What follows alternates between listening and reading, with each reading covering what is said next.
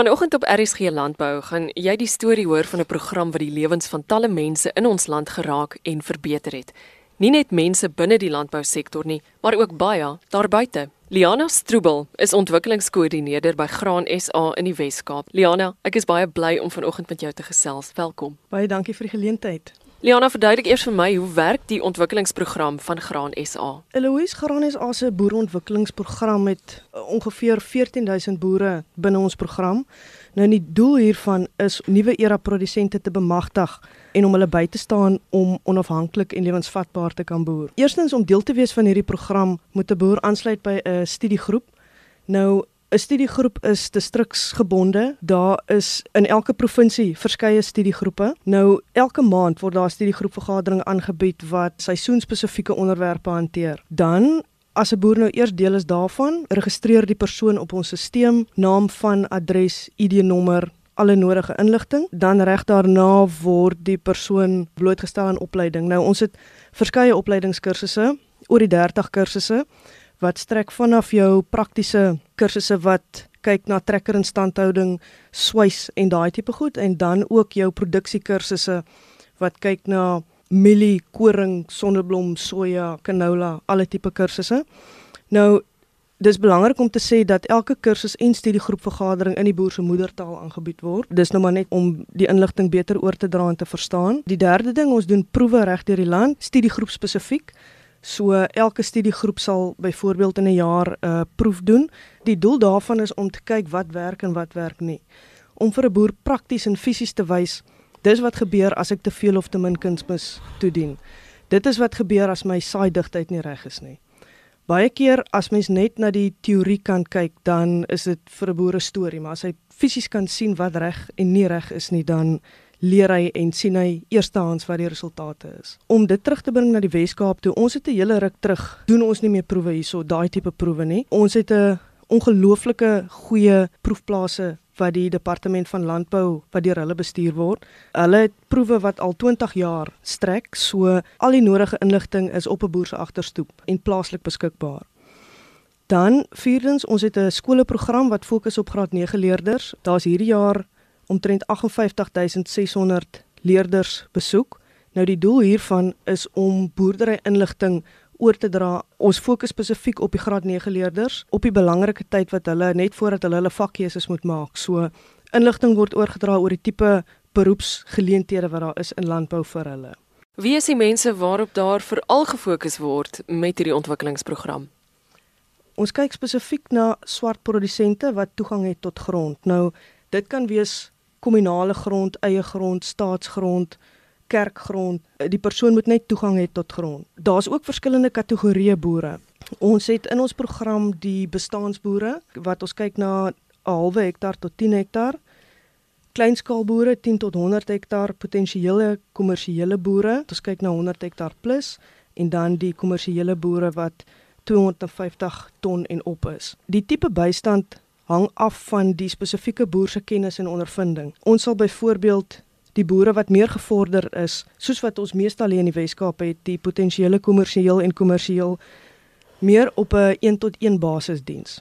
Nou daar werk ons baie nou saam met instansies soos die RPO, die NWKV en die koöperasies wat nou is SSK Kaap Agri en Oeverberg Agri. Nou ons help die boere om besigheidsplanne op te stel, besigheidsbeplanning te doen en so meer. Die laaste rolspeler in hierdie pakkie is ons mentors. Ons het verskeie mentors wat baie intensief met die boere werk wat nou persone is soos kommersiële boere wat buurmanne is wat hierdie produsente aan die hand vat en hulle ook die nodige raad en leiding gee. So as 'n mens kyk, is dit 'n hele pakkie van rolspelers wat die sukses van hierdie boere op hulle self neem om hulle te help.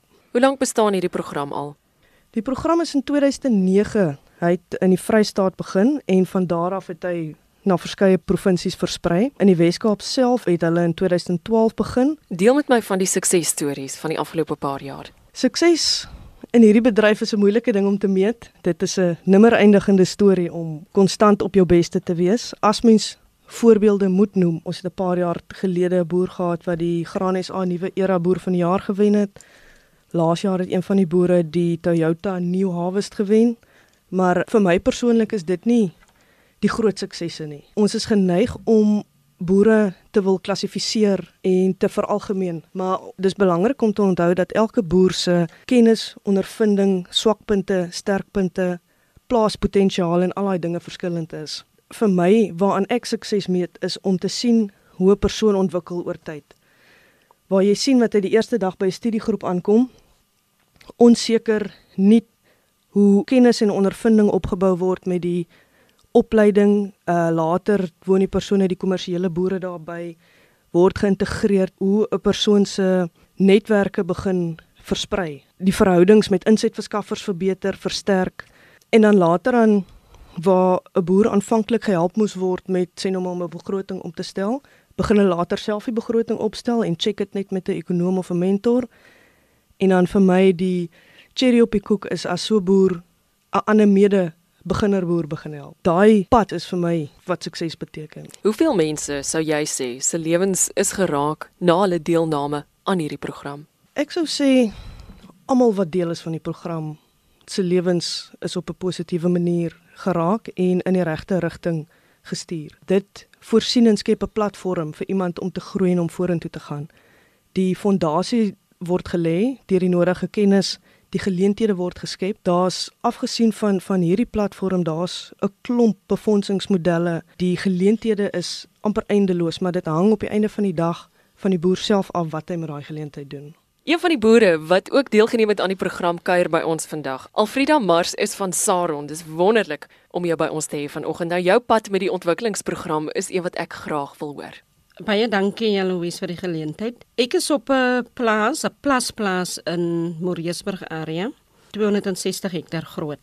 En dis 'n graan en veeplaas. Die ontwikkelingsprogram van Graan SA is ek betrokke van 2015 af met opleiding begin. En dit is trekker instandhouding, swyswerk en alles wat hulle in die pakkie het daar dit het my so ver gevat baie positief uitgekom daarso want as ek moet kyk waar ek begin het en waar ek vandag staan. Aan die begin het hulle my gehelp met insetverskaffers, aansoeke vir die KAS program, ekonome vir my gekry om te help die besigheidsplanne opstel en begrotings doen. Dan volg hulle gereeld op elke maand kry ek 'n oproep of 'n besoek om te kyk hoe ver ek in die lyn af is met my besigheidsplan, met my begrotings, hou ek nog by daarmee. Dan het ek ook deel geraak op daai stadium van die Piketberg studiegroep en dit was meestal vir die swart boere. En op 'n later stadium met ons betrokke geraak by die kommersiële boere se studiegroepe. En dan boere daar wat hulle aanbied, altyd deel van dit en dan het hulle baie blootstelling vir ons gegee aan inligtings daar, ewens sover as as Rubbersdal. Ek het aan die begin net ek 'n uh, strategiese vernoot gehad. Ek kan sê ek is nou heeltemal onafhanklik want ek het wegbeweeg daarvan as gevolg van die ontwikkelingsprogram. En my buurman assisteer my nou net met die nodige advies wat die graanboerdery betref. Op die stadium stel ek my eie begrotings op. Ehm um, na al die kursusse wat ek bygewoon het, my beplanning doen ek self en ek kan uitreik na ander swart boere wat hulp nodig het rondom dit. So daar's heelwat van hulle wat ek nou ondersteun wat dit betref. En ek is nou baie meer gefokus op my finansiële bestuur van die besigheid en die strategiese beplanning, volhoubaarheid en winsgewendheid. Dis die praktiese deel daarvan eintlik om self te kan boer. Dit is vir my baie lekker. Ek ek geniet dit gaatheid om elke dag my voete op die grond te hê. Liana, ek wil dit terugbring na jou toe. Wat is julle planne vir die ontwikkelingsprogram in 2019?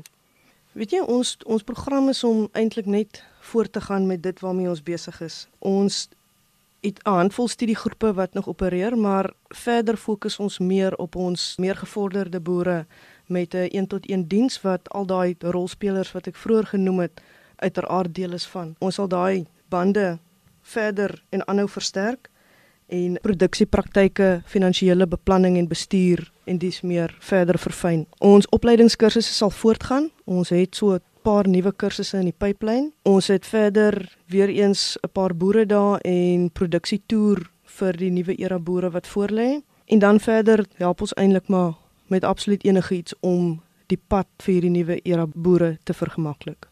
Liana Strubel is ontwikkelingskoördineerder by Graan SA in die Wes-Kaap.